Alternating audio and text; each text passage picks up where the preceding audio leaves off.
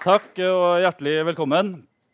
Landsfader Einar Gerhardsen våkner fortumla opp under et bord i Arbeiderpartiets lokaler på Jungstorget. Det siste han husker, er å ha deltatt i et sentralstyremøte i Arbeiderpartiet hvor strategien for stortingsvalgkampen i 1957 skal meisles ut. Nå skriver vi altså 2017, og Gerhardsen forstår naturlig nok lite av det han ser. Hva hadde skjedd? Det spørsmålet svarer ikke Mimir Kristiansson på i boka 'Hva ville Gerhardsen gjort?', som utkom på Manifest forlag tidligere i år. Men hva ville Gerhardsen gjort? Hvordan ville han ha løst dagens politiske utfordringer? Og har vi, eller mer spesifikt Arbeiderpartiet, noe å lære av Einar Gerhardsen i dag? Litteraturhuset i Trondheim har invitert eh, Mimir Kristiansson, som til daglig er nyhetssjef i Avis- og Klassekampen, til samtale med Jørn Ratsø, professor i samfunnsøkonomi ved NTNU, og kjent som leder av en rekke offentlige utvalg, bl.a. Eh, Produktivitetskommisjonen. Mitt navn er Trond Aam og er daglig leder i Litteraturhuset i Trondheim. Uh, Mimir Kristiansson, uh, velkommen. Hva er budskapet i, i, denne boka? Nei, Budskapet er at uh, Arbeiderpartiet har veldig mye å lære av Einar Gerhardsen. Jeg var Ideen til denne boka begynte egentlig når dattera mi ble født uh, den 10. mai. Litt for seint. Jeg hadde håpet hun skulle bli født på Marx uh, sin fødselsdag, men det gikk seg ikke sånn. Og uh, I stedet så ble hun født på Einar Gerhardsen sin fødselsdag, og da gikk jeg i gang med å lese Gerhardsen. som jeg trodde jeg visste alt om og var dritlei av å høre om. for det har vært et evig mas om han, følte jeg. Og så oppdaget jeg bare når jeg leste hans memoarer, som er fem bind tjukke og veldig gode og godt skrevne og interessante, at egentlig så er nesten alt Einar Gerhardsen dreiv med, syns jeg i stor grad er glemt eller ute av norsk politikk. Og det ene er jo at eh, det ikke er på, på dagsorden for dagens regjering, men det framstår heller ikke som om Gerhardsen-oppskriften er særlig aktuell for Arbeiderpartiet i dag. Og jeg prøver å gå gjennom og vise hva Gerhardsens ideer er og så spør er det mulig å, å, tenke seg at noen kunne stått for disse ideene i dag, og ville det ha tjent uh, Arbeiderpartiet. Og det er særlig tre ting som jeg, eh, det koker ned til for meg.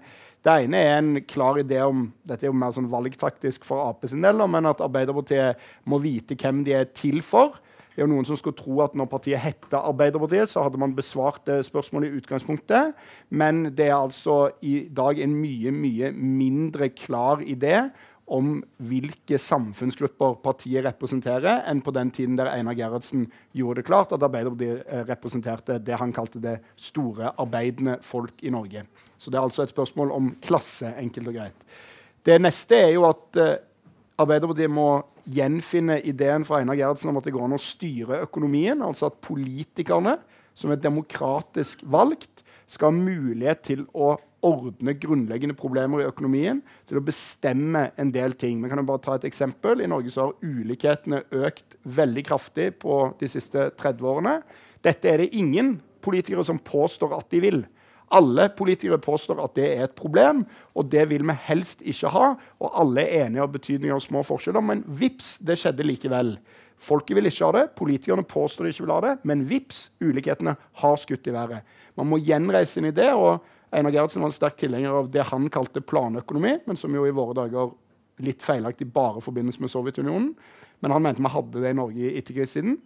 Jeg mener at staten må tørre å styre mer, og de folkevalgte må øke sin styring av økonomien. Og det tredje er at Arbeiderpartiet i dag i mine øyne er ganske avideologisert. Det vil si De har masse ideologiske dogmer i seg, men de har veldig lite grad et bevisst forhold til dem, og de har veldig lite grad en idé om hvor de vil med politikken. Og mange forbinder jo eh, Gerhardsen og hans generasjon med den langsomme revolusjonen, de små skritts vei osv.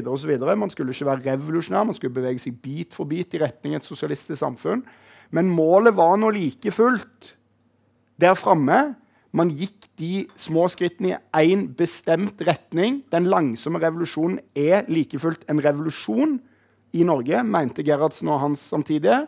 Arbeiderpartiet i dag i mine øyne, synes ikke å ha noen klar plan for hva drømmesamfunnet skal være. Det synes i stedet bare å være å opprettholde dagens status quo, eventuelt en litt dårligere versjon av status quo eh, i neste år òg. Og det eh, tror jeg gjør at partiet er, er, kraftløst i møte med veldig veldig sterke markedskrefter og sterke internasjonale eh, krefter som, som, på en måte tvinger gjennom markedsliberalisering i Norge. Så kort fortalt så mener jeg at Arbeiderpartiet har veldig mye å lære av Einar Gerhardsen. Og min eneste bevis for det er at Einar Gerhardsen i 1957 fikk 48% av stemmene i Norge. Og nå skal jeg ikke påstå at han hadde fått 48% av stemmene i dag, men jeg tror at en person som har styrt Norge, er den lengst sittende og mest vellykka statsministeren vi noensinne har hatt. Alt han gjorde, kan altså ikke ha vært galt. Alt han gjorde, kan altså ikke ha vært utdatert. Alt han holdt med, kan altså ikke ha vært håpløst. Og et Arbeiderparti som har 27% og som nå er i opposisjon for andre periode på rad, ja, de burde kanskje lære litt av sin egen historie. Eh, Jørn Ratsø, du har jo lest eh, boka til Mimir Kristiansson. Eh, hva, hva, tenker du om eh, analysen han gjør der? Og tror du at eh, Einar Gerhardsen har noe å lære oss i dag? Ja, eh, la meg først si at Jeg kan si litt om norsk økonomi og økonomisk politikk, eh, men det indre liv i Arbeiderpartiet er jeg da ikke ekspert på. Men, men uh, hvis vi skal starte litt hyggelig, så vil jeg si at det at Mimir setter søkelyset på vekst og utjevning, for det er hovedbudskapet, vi andre kan kanskje ha med vekst og utjevning og noe grønt. Eh, så er det klart det er ingen som har oppskrifta. Det er ikke ett svar på å kombinere vekst og utjevning og grønt. Og hvordan vi får til det. Det er ikke ett svar på det. Og det er klart det er politisk, politiske forskjeller i denne forsamlinga også. Vektlegging av grønt versus utjevning versus eh, vekst og velferd. Så, så, det er ulike oppfatninger av det. Og det, dette er verdt å diskutere. Eh, når det gjelder budskapet i boka, så er det jo altså det mest konkrete svaret for en økonom det er selvfølgelig at det var helt andre betingelser. Eh, andre forhold som Gerhardsen måtte takle enn det politikere må takle i dag. Og det enkleste forståelsen av det, det er at oppbygging av et land etter krigen, som dette i stor grad handla om i Gerhardsen-perioden, det oppbygging er jo investeringer. Så det er på en måte økonomi drevet av tunge investeringer for å få til infrastruktur og få næringsliv til å rulle opp på den infrastrukturen. Og det krever eh, kraft og planlegging og evne til å eh, samle inn penger, skattlegge folket. Var ikke det Brofoss sa? Det er ingen grense for hva vi klarer å få folket til å betale. Eh, så det, den fasen, den oppbyggingsfasen eh, Gerhard, fikk Gerhardsen til. Og, og, med tunge investeringer og mye har rett, også statlig industrireising. Eh, norsk jernverk, norsk koksverk. Hva er det for noe? Det er tunge, in, uh, tunge investeringstunge, relativt enkel produksjon, men som skaffer landet inntekt. Så mitt hovedsvar når det gjelder uh, før og nå, Gerhardsen og, og i dag, så er det at den typen vekst vi har i dag, er jo mye mindre investeringsretta. Eh, vekst i dag er ja, Hvis vi ser på global vekst i dag, hva slags selskaper vi snakker om? Vi snakker om Google, Amazon, Facebook, Tesla, Apple. Hva, hva, er det som driver verdens vekst i dag? Det er toppkompetanse og innovasjon og fornyelse. Så alle vi som er her, må være overvelda over den, den teknologiutviklinga som vi har vært med på bare de siste tiår. Så, så, så forståelsen er at det er en helt annen type vekst. Det er ikke statlig industrireising som er tema. Det er hvordan Norge klarer å konkurrere, klarer å utvikle kompetanse og utnytte kompetanse og kom konkurrere med internasjonal toppkompetanse. Så Gerhardsen-perioden handla det om å få hender i arbeid. Eh, I dag handler det om å få hjerner til å fungere for oss. Så det er helt andre, eh, helt andre politikker og helt annet næringsliv du må forholde deg til. Og eh, statlig industrireising bra i sin fase, men den tok jo også slutt når disse statlige organisasjonene og selskapene i større grad møtte markedet. Så det er det vi bør diskutere. Hvorfor hadde vi en transformasjon fra disse statsbedriftene over i mer moderne selskaper? Og hvordan fungerte den transformasjonen? Mitt enkleste eksempel hvis du skal ha, begynne å tenke på noe, det er transformasjonen fra Telegrafverket til Telenor. Og det er også endring i statens rolle fra Telegrafverket til Telenor. Mm. Hva tenker du om det, Mimir Kristiansson? Er, er Gerhardsen-epoken eh, slik du ser det sammenlignbar med vår tid? Eh, eller er det, som Ratse sier, altså helt andre utfordringer som krever andre svar? Det er selvfølgelig andre utfordringer i dag. Samtidig så syns jeg det ligger nå som sier Ratse var veldig konkret, og jeg bare får si noe om en del av de andre kritikerne av den boka, da, selv om de ikke er her. Og det er det at, eh, at samtidig synes jeg at veldig mye av dette snakk om at alt er så nytt og annerledes, og vi lever i en helt annen tid i dag, og sånn, den er veldig ofte bidrar til å skjule det som jo faktisk er en politisk konflikt veldig ofte mellom f.eks. folkevalgt kontroll og markedsstyring, eller mellom arbeid og kapital og fordeling. Dette er jo konflikter som har ligget der hele tiden. og man vender jo på noen måter tilbake til et arbeidsliv som var før Gerhardsen-epoken. For var Einar Gerhardsen på slutten av livet helt overbevist om at de hadde utrydda arbeidsløshet. At det kom aldri til å være arbeidsløshet mer. Og det vet vi jo, selv om arbeidsløsheten er lav i Norge. Så vet vi jo, hvis vi ser på Europa rundt oss, at de tiårene etter krigen med full sysselsetting, de er ikke til stede lenger. Og tilsvarende trodde man jo at man hadde temma finanskreftene etter den store depresjonen eh, på 30-tallet og børskrakk i 1929. Mens alle som har levd gjennom børskrakk i 2008, vet at man deregulerte, man reverserte den politikken, deregulerte igjen og gikk i samme fellen på ny. Og eh, Et tilsvarende eksempel det er nesten helt parodisk, men like etter krigen, når eh, Nils Langhelle blir eh, Norges første samferdselsminister, en Ap-politiker, så holder han en tale i Stortinget som handler om hvor viktig det er å forhindre ulovlig lastebilkjøring, som har vokst seg stort under 30-tallet og krigen, for mange har en lastebil, og så bare kjører de ukontrollert rundt i en gammel skabb av en utrygg lastebil, og utkonkurrerer det er dette han sier ordrett, en gammel skabb av en lastebil, og utkonkurrerer dermed den seriøse lastebilbransjen. Og Du kan gjerne si at det er annerledes med Uber fordi det er en app, men det er akkurat samme debatten. Det er akkurat samme debatten. Skal du ha regulert drosjebransje eller lastebilbransje, transportbransje, eller skal alle som har en skabb av en bil, få møte opp melde seg på appen og en, heve en luselønn som de kan utkonkurrere andre med? Og jeg er enig med altså at Selvfølgelig er det noen ting her som er annerledes, og gjenreisningsperioden etter krigen er spesielt. Og det er klart at Hvis du sammenligner for vekstraten i norsk økonomi etter krigen med i dag, så er de veldig høye, fordi at man har veldig mye sånn catch-up growth. Man skal ta igjen veldig mye. Det er mange store investeringer som krever store summer. Men særlig når du gjør, nevner dette med, en, med grønt, så blir det jo for meg tydelig at behovet for ganske tunge investeringer også i dag er veldig stort. Klassekampen bringer i dag en sak om at Statoil sitt prosjekt om å elektrifisere to oljefelt i Nordsjøen, altså bare to av titalls, blir så dyrt at det offentlige fornybarfondet Enova ikke strekker til. For den investeringen er da så stor å elektrifisere, bygge ut havvindmøller på disse feltene. Og hvis du skulle elektrifisert alle oljefeltene i Nordsjøen med havvind, så snakker vi jo om investeringsbeslutninger i titalls milliardklassen. Og hvis ikke det er tunge industriinvesteringer, så forstår ikke jeg egentlig hva som er det. Sånn at jeg tror at løsningene til Gerhardsen Ja, det er ikke noe aktuelt å bygge opp jernverket i Mo i Rana på ny. Men det er aktuelt for Norge å ta kontroll over noen nøkkelnæringer vi vet at vi skal leve av i framtida. Det innebærer å ha kontroll over eget, egen kraft til å bruke til prosessindustrien. Det innebærer å eh, bygge ut oppdrettsnæringen med et offentlig mandat, ikke bare la eh, hver enkelt kommune være prisgitt eh, den lokale oppdrettsbaronen. Oppdrettsnæringen er en, en, bransje som sliter med å vokse privat. Dvs. Si den er dritrik, for prisene på laks er høy, men den sliter med å bygge ut, øke kapasiteten, hvor mye laks de selger.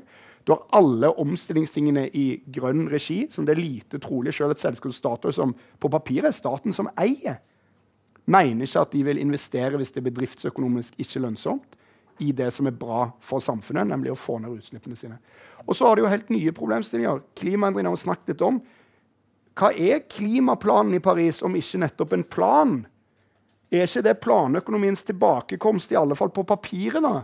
At alle land skal forplikte seg til et utslippskutt. Alle sektorer skal forplikte seg. Politikerne setter seg ned at dette, dette, dette skal vi oppnå.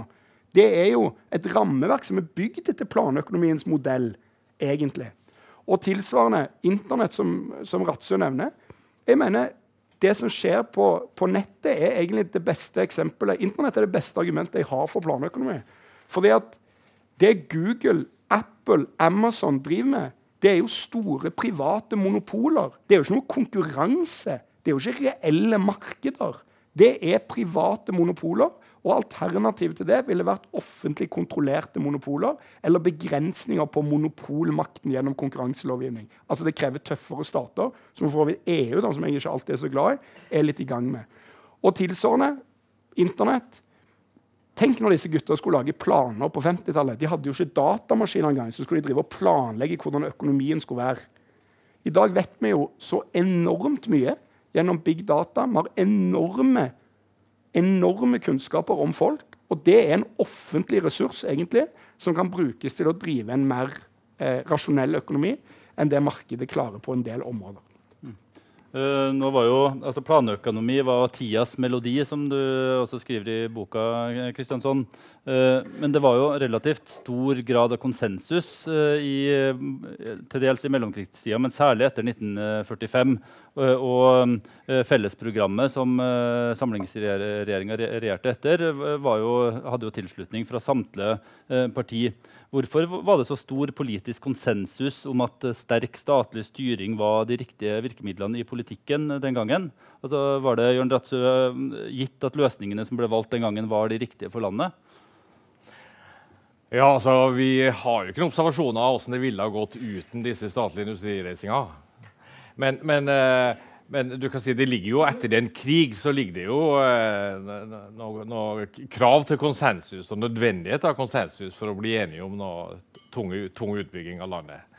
Eh, men, men, spørsmålet ditt eh, har jo i, i, bakhodet liksom at det er ikke konsensus i dag. Men, men, det er jo feil. Det er jo stor konsensus i dag. Den, den står ikke på den, eh, det er ikke statlig lakseoppdrett og statlige havvind og statlig eh, hva som helst. Det er ikke der. Konsensusen er ikke der. Eh, så konsensusen eh, altså, jeg vil si Omtrent alle, alle partier som diskuterer perspektivanalysen, hvordan det går med Norge, hvordan skal vi takle omlegging av økonomien når olja har gitt oss en voldsom vekstfase og et lønnsnivå langt over andre land. Hvordan skal vi bære det videre? Det, det, er bekymringer både det kostnadsnivået har vi har vel et kostnadsnivå 40-50% høyere enn svenskene. Vi er ikke 40-50% mer produktive enn svenskene i virksomheter utenfor olje. Eh, og det er bekymringer rundt statsfinanser. At, eh, at, det er svære hull i statsfinansene hvis du fører videre eh, dagens skattenivå, som allerede er høyt. Husk på dagens skattenivå er sek eh, vi tar inn skatter tilsvarende 60 av Fastlands-Norges inntekt. Det er veldig høyt i enhver sammenligning. Så hvis da oljeinntektene gradvis fases ut som andel av nasjonaløkonomien, og vi sitter igjen med regninga i Fastlands-Norge, så har vi allerede et eksepsjonelt høyt skattenivå. Eh, og samtidig har vi en, en, vegg med utgifter som kommer både rundt pensjoner og uh, helse og omsorg av, av eldre befolkning. Så, så min forståelse er at norske politikere har bred felles forståelse av disse utfordringene som ligger i at det, vi er ved et vendepunkt som må takles. Eh, og, eh, den, den, enigheten eh, er, er, bred nok i forståelse, men ikke kommer langt i hva som må gjøres. Så der kan du si at norsk politikks svakhet er jo eh, at det er blokker som holder hverandre sjakk. Og, og, og, det er ikke noe forståelse i befolkningen at du må ha tunge reformer, verken innenfor eller utenfor offentlig sektor. Så da, vi står litt i, i dødvannet med hensyn på hvordan vi skal takle vendepunktet. Men, men, du kan ikke si at det ikke er noe felles forståelse av det, for det er det. NRK P2 sender aktuelle debatter fra ulike scener i landet. Du hører Debatt i P2. Mm. Nei, Jeg er helt enig i det, og det er jo det som er min kritikk av Arbeiderpartiet òg, at de er helt enige med høyresida i det. så, så det, det, er jo den felles forståelsen jeg eh, prøver å bryte litt da, på noen områder. Eh, jeg synes bare det er et interessant eksempel, for du nevner jo, uh, Jørn, behovet for å, å, å gjennomføre f.eks. upopulære eller hva skal man si, egentlig reformer som koster mye for befolkningen. Og Hvis du ser på gjenreisningsperioden etter krigen, da, så er det jo faktisk sånn at det Gerhardsen går ut og sier, det er det blir ingenting de første årene etter krigen. Dere får ikke lønnsøkninger. Alt må inn i investeringer, investeringer, investeringer. Vi skal bygge industri. Det blir ikke noe velstandsøking. Og i første årene etter krigen driver jo folk og, og har matmangel, og de, har, de er husløse oppe i Nord-Norge osv. Likevel vinner valg på valg på valg. Hvordan er det mulig? Hvordan er det mulig? Jo, fordi at befolkningen er sikker på at når livreimen strammes, er det på en rettferdig måte. Sant? Det er jo ikke vanskelig, tror jeg, heller i Norge å skape aksept for at nå må vi kutte f.eks. For i forbruk.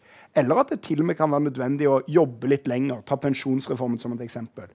Men bekymringen oppstår jo når den pensjonsreformen man vedtar, som har et riktig premiss, vi må jobbe litt lenger. Gjør det sånn at de som er sliter i arbeidslivet, har tunge jobber på verft eller i offentlig sektor, kvinner som løper fram og tilbake på sykehusene f.eks., når de blir tvunget fordi de har lave lønninger og ofte går av med pensjon veldig tidlig fordi de får ødelagt kroppene sine og blir uføre, når de blir straffa, men sånne typer som meg, som da er journalist og jo aldri bare let's face it, og kanskje kan pådra meg senebetennelse hvis jeg er veldig uheldig sant? Kommer til å bli belønna gjennom det systemet fordi jeg kan jobbe til jeg er 70, kanskje mer. Og på toppen av det hele så lever min yrkesgruppe opptil ti år lenger enn de yrkesgruppene med de hardeste jobbene. Så jeg får i tillegg til at jeg kan jobbe til 70, en lang og god pensjonstid. Mens hvis da den platearbeideren klarer å holde til 67, som må være et minimum kanskje for å få god pensjon, så er det bare et par år igjen, og så er du statistisk sett død. Og det er bare et eksempel på at alle disse reformene og nødvendighetene de kan jo utformes på ulike måter. Vi kan jo ta inn inntekter over staten på ulike måter. Vi kan skattlegge vanlige folk mer. Det er veldig sjelden politikere foreslår akkurat det, men f.eks. avgifter legges jo befolkningen i et enormt monn. Mens det er en sterk motvilje mot å skatte, i hvert fall under denne regjeringen, å skattlegge de mest velstående mer. Som jo i utgangspunktet kunne framstått som en sånn liten karamell for befolkningen. At ja, du må kanskje stramme livremmen, men vi skal i alle fall skattlegge de velstående. Å ja, nei, men Da føler jeg meg trygg på at dette er riktig vei å gå. Og Sånn var det Gerhardsen og de tenkte helt ned på et sånn parodisk nivå. at Samtidig som de dreiv på og sa til folk det blir ingen lønnsvekst, bare klar beskjed til LO må gi opp alle krav, droppe hilsen statsministeren og lederen i Arbeiderpartiet, så sa man kanskje vi skal subsidiere kaffeprisen med to øre Sånn at folk får noe litt annet, noe å glede seg over. liksom. Og Sånn holdt man på, og man hadde denne kontrakten mellom befolkningen og politikerne, som er så uvurderlig når man skal gjennomføre sånne reformer. Og Resten av den kontrakten ser man kanskje egentlig i pensjonsreformen. Selv om jeg mener det er mye galt med den, så aksepterte det brede laget i Norge den. Og de kunne sikkert akseptert enda mer eh, hardere kutt, men det er altså nødvendig med denne tilliten mellom de på en måte to eh, instansene. Da. Uh, så Det, det syns jeg at ofte er sånn når jeg hører på politikere særlig klage over at de ikke får folk med seg på ting, på f.eks. kutt i offentlige utgifter, så skjønner jeg ikke at det ikke skal være mulig for Stortinget ett år å sette en frys på sin egen lønnsvekst. Så det er minste mulig for folk å liksom gi dem den lille symbolske gleden da, i det minste av at politikerne sine lønninger skyter ikke i været. Da. Og så bare si en ting med utgifter og sånn, for det der kan sikkert Jørn Rattsø mye mer om enn meg. men men jeg tror jo jeg syns jo det er besnærende, og det er vel Olof Palme som har sagt dette allerede i en tale på 80-tallet, at alltid når man skal se for seg statens finanser i framtida, så går alt Da tenker man at alt går. Når, det er statens penger, da tenker man at staten kommer til å bli fattig, vi kommer ikke til å ha råd, syke, eldre, og man har framskrivinger. Framskrivingen, De opprinnelige framskrivningene som Gerhardsen de møtte fra fagøkonomer når folketrygden ble vedtatt, den ble vedtatt rett etter Gerhardsen gikk av, det var jo at folketrygden aldri kom til å lønne seg. Det sa jo økonomene allerede da. Folketrygden er ikke lønnsom, det kommer til å ødelegge landet. Og det skjedde jo ikke. Og så eh, tilsvarende så kan du på en måte alltid si når du ser inn i, i og ser på framtida, staten kommer til å fattig, velferden kommer til å fattig. Men så, se inn i glasskula og tenk. Kommer du til å ha større eller mindre TV? Bedre eller dårligere bil? Mer eller mindre penger til å handle for? Og da er plutselig alle perspektivmeldingene vi har produsert, de er helt motsatt. De sier at i enden av perspektivmeldingsperioden skal vi ha dobbelt så stor privat velstand. Dobbelt så stor privat velstand skal vi ha. Så vi skal bli mer og mer privat rike. Men det er veldig alvorlig at staten har så dårlige finanser. Og for meg så fins en åpenbar løsning på det. Og det er at i takt med at utgifter til helse og omsorg og sånn øker, så må de oppgavene løses i det offentlige gjennom penger tatt inn gjennom skatt, fordelt, i stedet for det som jo skjer hvis du kutter i offentlige velferdstilbud, nemlig at de som har penger, betaler for private løsninger i stedet. Med akkurat de samme pengene, bare nå fordelt på en litt dårligere måte. Jørn Dette? Ja, altså Nå hører vi på en måte boka eh, eh, her, for de som ikke har lest den. Og for den verden du får beskrevet i boka, det er på en måte Arbeiderpartiverden. Som om Arbeiderpartiet skaper verden. Verden vedtas av partiet. Så litt synd at, verden, at Arbeiderpartiet har vedtatt en annen, et annet samfunn nå. Det er den uh, Mimir. Sånn uh, får jeg boka di. For jeg leser jo ingenting om nær, Det er jo ikke noe næringsliv i den boka. Så, så den, uh, den, mekanismen, generatoren vi har av å skape, skape velferd, skape verdier, den er ikke der.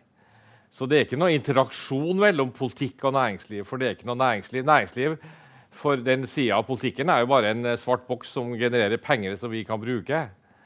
Det, det er tankekors. Når, når, det gjelder, når det gjelder eh, konsumet går til himmels eh, Det er iallfall ikke det som står i perspektivmeldinga og Produktivitetskommisjonen sine, sine, analyser. Det er dårlig nytt. selv med vekst i produktivitet så vil eh, privat konsum gå ned fra 2030 eller noe sånt pga. de skattepengene som må hentes inn for å finansiere eh, helse og omsorg og pensjoner, som er relativt tydelige penger allerede i dag. Du kan si Den viktigste variabelen som vi kunne diskutere, er jo eh, arbeidsinnvandring. Den viktigste variabelen som kan berge oss ut av det, det er arbeidsinnvandring og produktivitet. Produktivitet viser seg vanskelig å få til. Men, men det, det, er ikke en eh, vakker konsumhimmel. Eh, som, som tegnes med, realistiske tall. Det er, og det er fordi eh, jeg tror norsk Vi er på toppen. Norsk velstand er på toppen. Og vi må etter hvert tilpasse, vente og tilpasse oss et mer vanlig nordeuropeisk nivå. Vi, vi, har blåst opp dette med olja, men den vil ha relativt mindre betydning i økonomien. Det vil vare lenge, men betydningen i økonomien vil bli mindre. Og vi kommer til å få en smertefull tilpasning til mer vanlig nordeuropeisk eh, konsumnivå. Dagens tema altså hva ville Gerhardsen gjort? Eh, og, og, spørsmålet er liksom, i hvor stor grad eh, etterkrigstidas planøkonomiske grep også er relevante i dag. Eh, Ratsø, eh, vi har jo nå i løpet av de siste åra sett at eh, sosialdemokratiske partier over hele Europa har eh, kollapsa eller gått sterkt tilbake. Hva, hva, er det som skjer? Ja, sånn jeg leste i litteraturen, så, så, er det ikke krise i sosialdemokratiet. Det er krise for sosialdemokratiet. Så sosialdemokratiet i hele Europa har gått på smeller. En av det er globaliseringa. Globaliseringa og disse monopolselskapene som Mimi snakker om, de har jo Google og andre, de har skapt voldsomme verdier. Sant? Eh, hundrevis av millioner, antagelig milliarder av mennesker er brakt ut av fattigdom pga. den verdiskapinga du har hatt med innovasjoner eh, de siste tiårene. Men eh, de innovasjonene har da samtidig eh, hatt ulemper. Det, det, er vinnere og tapere på globalisering. Og eh, kjernetropper i sosialdemokratiet, eller arbeiderbevegelsen, har tapt. For de har tapt eh, mot eh, kinesisk import og all annen import og, som, som, som, konkurrerer ut tradisjonelle norske arbeidsplasser. Det andre som, som uh, sosialdemokratiet er truffet av, det er teknologiutviklinga. For teknologiutviklinga skaper også vinnere og tapere. Stikkordet vi bruker i litteratur nå, er polarisering. Så Teknologiutviklinga gjør at de med høy utdannelse og kompetanse de vinner og tjener mye. Men eh, eh, de i midten skvises av automatisering og robotisering, og du får en voksende underklasse. Så toppen og, og bunnen av systemet er vinnere. Og der er det, ja, Trump er det beste eksempelet. Det er en middelklasse som har tapt der, og som har vært eh, sosialdemokrativelgere. Og Hvis det er et eh, tredje tema eh, i tillegg til teknologi og, eh, og, globalisering, så er det selvfølgelig migrasjon, altså eh, flyktninger og arbeidsvandring. Og arbeidsinnvandring har jo også eh, kommet inn i den norske økonomien og konkurrert ut norske. Sant? Så lønnsutviklinga Dette er jo LO-analyser. Lønnsutviklinga i renhold, hotell, restaurant, bygg og anlegg, som er eh, truffet av stor arbeidsinnvandring. Svak lønnsutvikling. Så det er velgertropper som har tapt. Så etter mitt skjønn så er det altså noen betingelser rundt globalisering og teknologi og arbeidsinnvandring som eh, sosialdemokratiet ikke har adressert og som de derfor eh, må betale for. Men, men svaret på det tror jeg ikke er statlig industrireising. Det er mye større tema enn det. Mm. Hva tenker du, Kristiansson? Nei, det, det, er mye Ratse sier som jeg kan slutte meg til. Altså, jeg tenker vel at Sosialdemokratiet tradisjonelt uh, sto på liksom to bein. Det ene er selvfølgelig fagbevegelsen og evnen den hadde til å på vegne av sine medlemmer forhandle fram stadig bedre vilkår på arbeidsmarkedet, som etter grunnlaget for klassekompromisset i etterkrigstiden forsvant utover 70-tallet. Dvs. Si profittene, rett og slett, eller veksten, var så eh, ble mye lavere, og derfor at det ikke var nok lenger å fordele, sånn at både eierne og arbeiderne kunne få sitt samtidig. Så begynte man å svikte på det oppdraget. Man har hatt stagnerende reallønnsutvikling i veldig mange land, bl.a. USA, der Trump har kommet.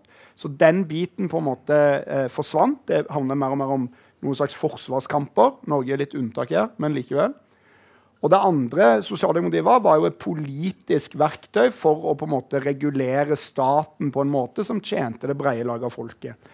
Og når du da eh, går inn i f.eks. en prosess som det EU har vært, i mine øyne, som veldig mange sosialdemokratiske partier i Europa har støtta opp om, og som opprinnelig var en slags venstresidevisjon, venstreside, som kom fra noen italienske kommunister i utgangspunktet om et felles Europa, så, eh, så på en måte har, Sånn som jeg tolker EU, sånn som det har vært, uten at vi skal nå begynne å lage sånn ideer om at det kunne fantes et annet EU, sånn som EU er og har vært, så har det vært en nærmest grunnlovsfesting av markedsliberalisme på mange områder. Og det for og en slags overstyring av det nasjonale handlingsrommet på mange felt, ikke minst på arbeidsinnvandring, som igjen har ramma veldig mange av de kjernegruppene. Men nedover i Europa så er det jo eh, kutt altså så er det jo keynesiansk politikk, underskuddsbudsjettering, den type ting, nærmest forbudt. Sånn at du på en måte har en ganske streng eh, styring av det økonomiske som er flytta ut av det demokratiske feltet, og dermed kan ikke lenger Europas arbeiderpartier på en måte egentlig regulere økonomien. Og så er jo spørsmålet, og det er jo det som er interessant det er jo, Dette er jo en helt på en måte eh, dette er en beskrivelse av noe som har skjedd, og, og du kan fylle ut med mye av det Ratsusa som er riktig òg. Du får problemer med teknologi når du får en Det er ikke lenger å jobbe 10 000 på en industriarbeidsplass, men 200. ikke sant, sånne ting. Men jeg mener at dette først og fremst er spørsmål som det er mulig å løse politisk. Ja, det foregår ting i verden som du ikke bare kan vedta deg rundt, f.eks. teknologiutvikling. Men betingelsene for globaliseringen settes jo i veldig stor grad av nasjonale politikere. Alle gangene Norge har kommet Når Norge gikk inn i EØS, så ble det vedtatt av det norske Stortinget. Det er, på en måte, det er politikerne og ofte de sosialdemokratiske partiene sjøl som har gjort den typen vedtak når vi har godtatt å være en del av et uh, arbeidsmarked i Europa der forskjellene mellom de uh, lønnsnivåene i de rikeste landene og de fattigste landene er my mye mye større enn det mellom de fattigste og rikeste statene i, i, USA. Og dermed at du får en enorm flytting av arbeidskraft fram og tilbake på jakt etter dårlige jobber her, polakker, romaner og alt mulig, men som er mer lønn enn det de har der de kommer fra.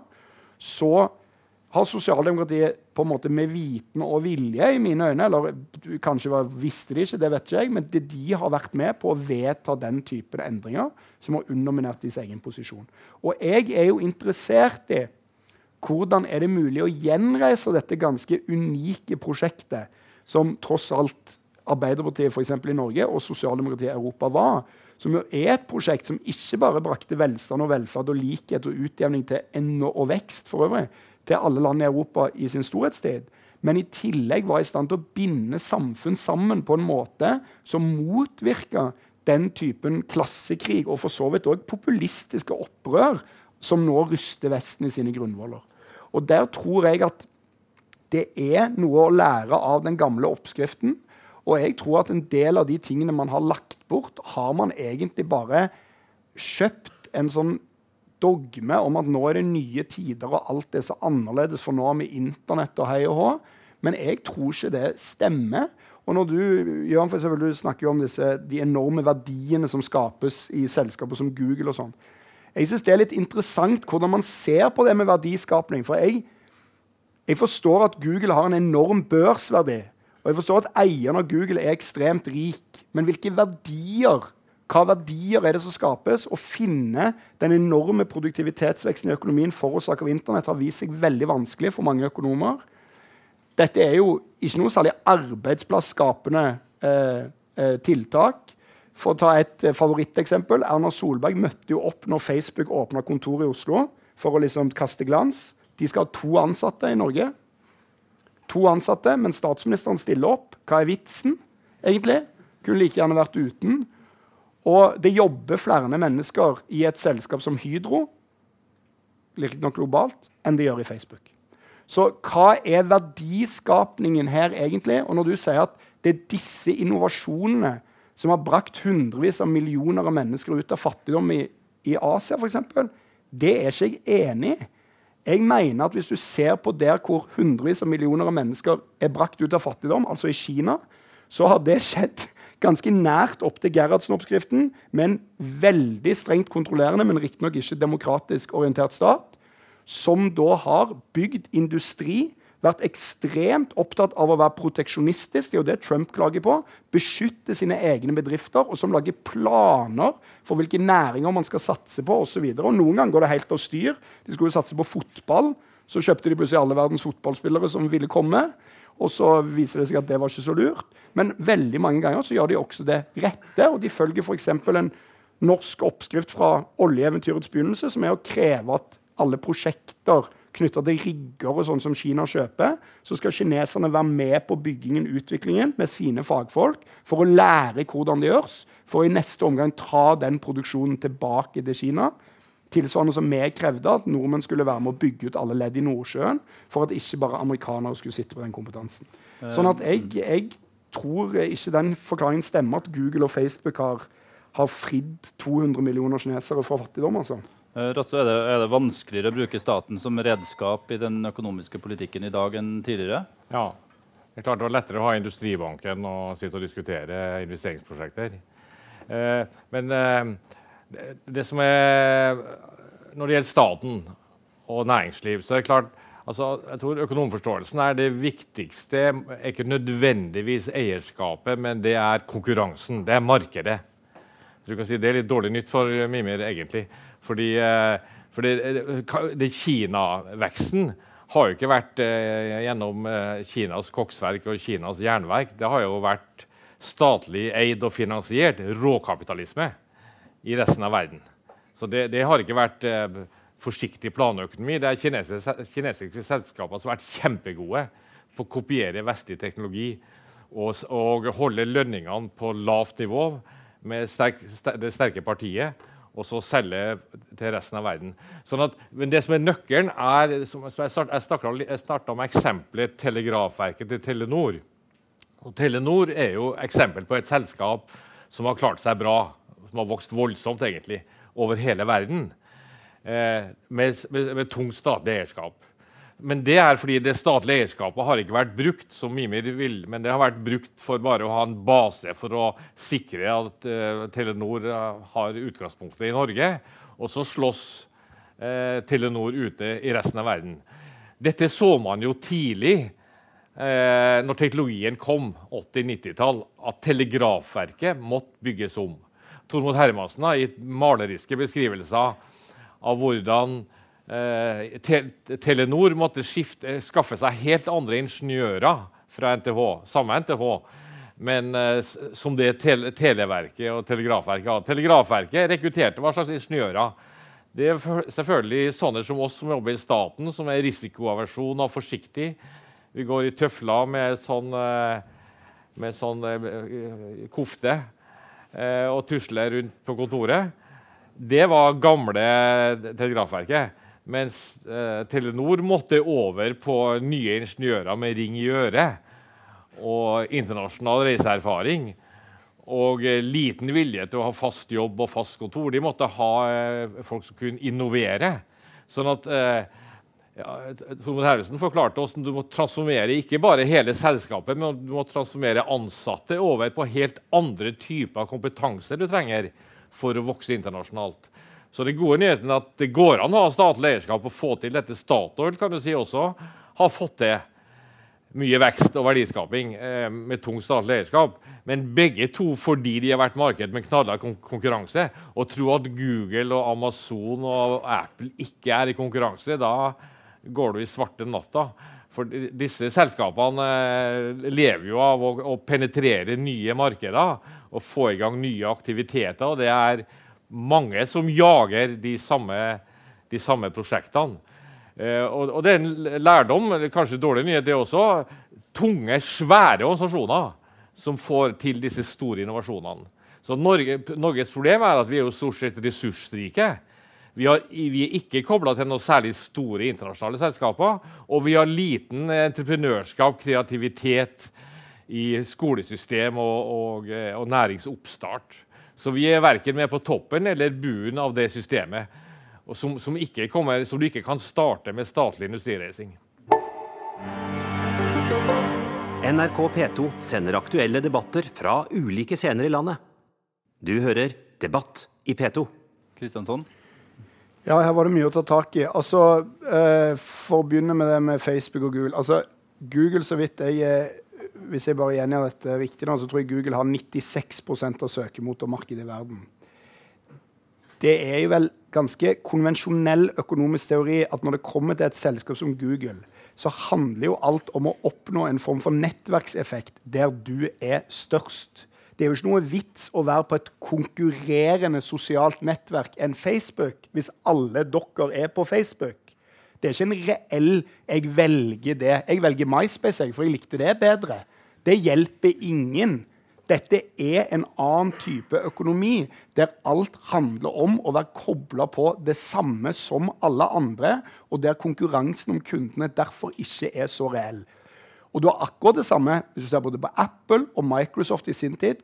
De har jobba intenst for å binde kundene til sine plattformer, for å gjøre sine plattformer så utilgjengelige for andres produkter. Prøv å installere en en Android-app på en iPhone, liksom, eller prøve å få et produkt eh, husker du, Apple brukte jo veldig lang tid på De hadde sin egen karttjeneste hvor de ville hindre Google Maps. Sånn har de holdt på hele tiden. De krangler hele tiden om dette. Dette er ikke reell konkurranse om den beste tjenesten. Det handler om å låse deg som forbruker til deres prosjekt. Og i tillegg til det så sitter jo disse selskapene på bare så enorme penger i banken. For de tjener jo så mye penger som de ikke aner hva de skal bruke på, nettopp fordi at de ikke gjør tunge industriinvesteringer. Og Derfor så kjøper de jo bare opp alle selskaper som er i nærheten av å ha en god idé som kan utfordre dem. F.eks. Facebook har kjøpt Instagram, naturligvis for lenge siden.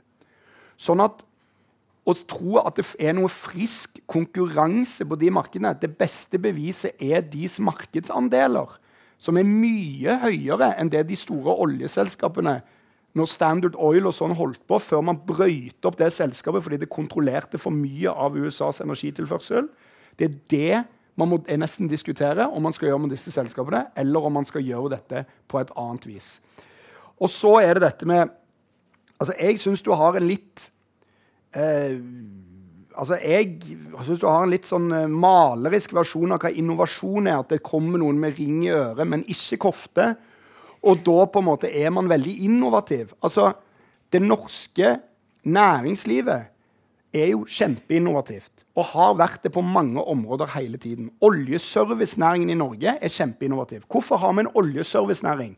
Jo, fordi faktisk noen i Arbeiderpartiet satte seg ned på et tidspunkt og krevde at det skulle bygges industri rundt oljeutvinningen. Og vi skulle bygge et norsk oljeselskap. Det skulle ta en del av oljen på land. man gjør mindre av det nå, Og at det skulle bygges klynger av industri rundt kysten som skulle jobbe med å være leverandører. Det ga den industrien oppstartsmulighetene. Og dette ser du på globalt plan òg. Marianna Masukato, som er en britisk økonom, hun skriver, har skrevet en bok som heter The Entrepreneurial State. Den viser hvordan de, den harde delen av innovasjonen i Silicon Valley, altså patentene under iPhone-dekselet, patentene i internettet, de er jo utvikla i stor grad av det amerikanske forsvaret og av NASA. Som er finansiert av det offentlige for, med, uten hensyn til kortsiktig profitt, sånn som private firmaer har. De kan holde på med evighetshorisont og forske og jobbe. Og det gir muligheten til å gjøre mye dristigere innovasjoner på det området. Utfordringen er jo er det mulig for staten å lage næringsprogrammer i dag som kan gjøre oss mer som kan skape innovasjon innenfor næringer vi vet at vi vil satse på. Jeg syns ikke det er så vanskelig å vite en del ting om hva Norge må satse på framover. Jeg er helt sikker på at vi må få ned norske utslipp, og at staten må sette i gang et program for å få ned det.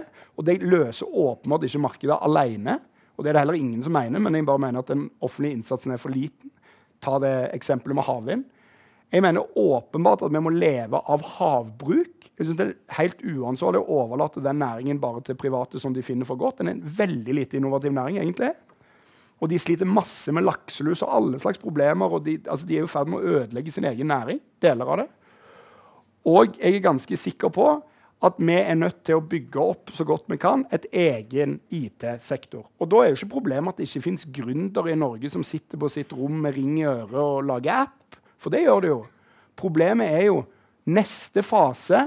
Hvordan skal du skalere det opp? Og da er det jo sånn at staten i Norge har dritmye data om nordmenn som man, hvis man hadde offentlig kontroll på dette, kunne ha brukt som anledning til å drive innovasjoner innenfor folkehelse, innenfor masse andre ting, med de dataene som staten har tilgjengelig. Og så kan du si, Er det skummelt at staten har så mye data om oss? Ja, men det er mindre skummelt enn at Google har så mye data om oss. Så det fortrinnsvis foregår det i offentlig regi. Eh, kan man se for seg nye måter hvor staten kan eie på i framtida? Altså en ny type infrastruktur, som det Kristiansson eh, nevner her? Ja, det tror jeg klart er mulig. Eh, for statens rolle er jo i endring bort fra den gamle produksjonseierskapet og til eh, å være med på forskningskontrakter, utviklingskontrakter og ta risiko på entreprenører og sånne virkemidler. Så det, det er i utvikling. Men jeg har problemer med å forstå eh, sin modell. Dette står jo heller ikke om noe om i boka. Men Eh, jeg skjønner det sånn at du er med på at eh, Amazon og Google og disse vokser, i hvert fall, om du liker dem ikke, men de har skapt voldsomt med verdier, og de vokser. Og de er en del av det globale som det, vi må være med på. Og, men, og det, kombineres, det kombineres på en måte med at vi må proteksjonere litt Trump-toner her også. da, At vi skal beskytte oss og vi må holde unna litt det her utenlandske konkurransen. Og vi må kanskje ut av EØS. Jeg vet ikke om det er også på agendaen. Men, men så det, blir jo et veldig tvisyn på, på Norge i verden. Erkjenning av at globalt det, det er ett globalt marked hvor vi må være med, og hvor vi har gjort stor suksess kombinert med samtidig proteksjonisme og statens lakseoppdrett og statens ditt og datt. Det er vanskelig å se den modellen fungere. Så, så det, det, som er utfordringa, etter mitt skjønn i større grad, det er å utnytte denne eh, næringsliv, innovasjon og verdiskaping og fornying og, som, som, vi må være med på, og, og, og, kombinere den med grønt og klima og eh, og, og, kombinere den med å få til utjevning. Og det er vanskelig, fordi at de mekanismene som driver verdiskapinga, skaper også svære ulikheter.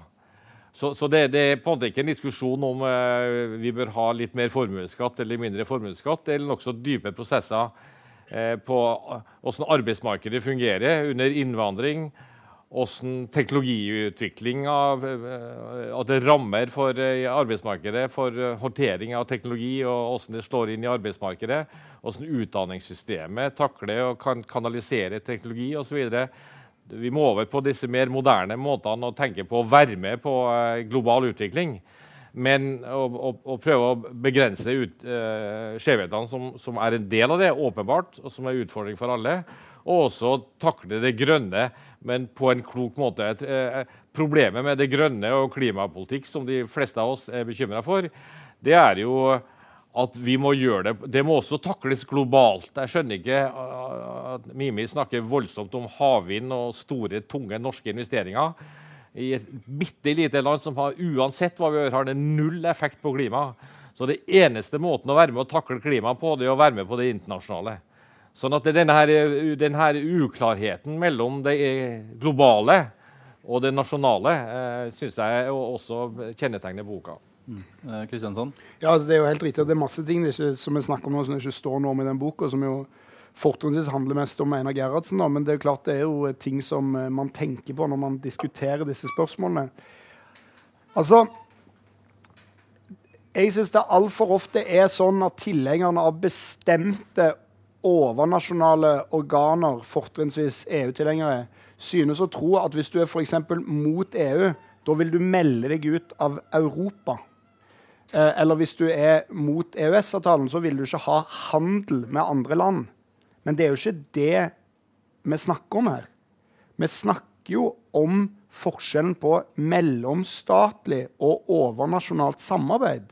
Vi snakker jo om å ha samarbeid på tvers av grenser om store spørsmål som klima, og det er mellomstatlig samarbeid, klimaavtalene, og overnasjonale, i ofte udemokratiske som i EU, organer som skal gi direktiver nedover til landet om hva som må gjøres, ikke må gjøres.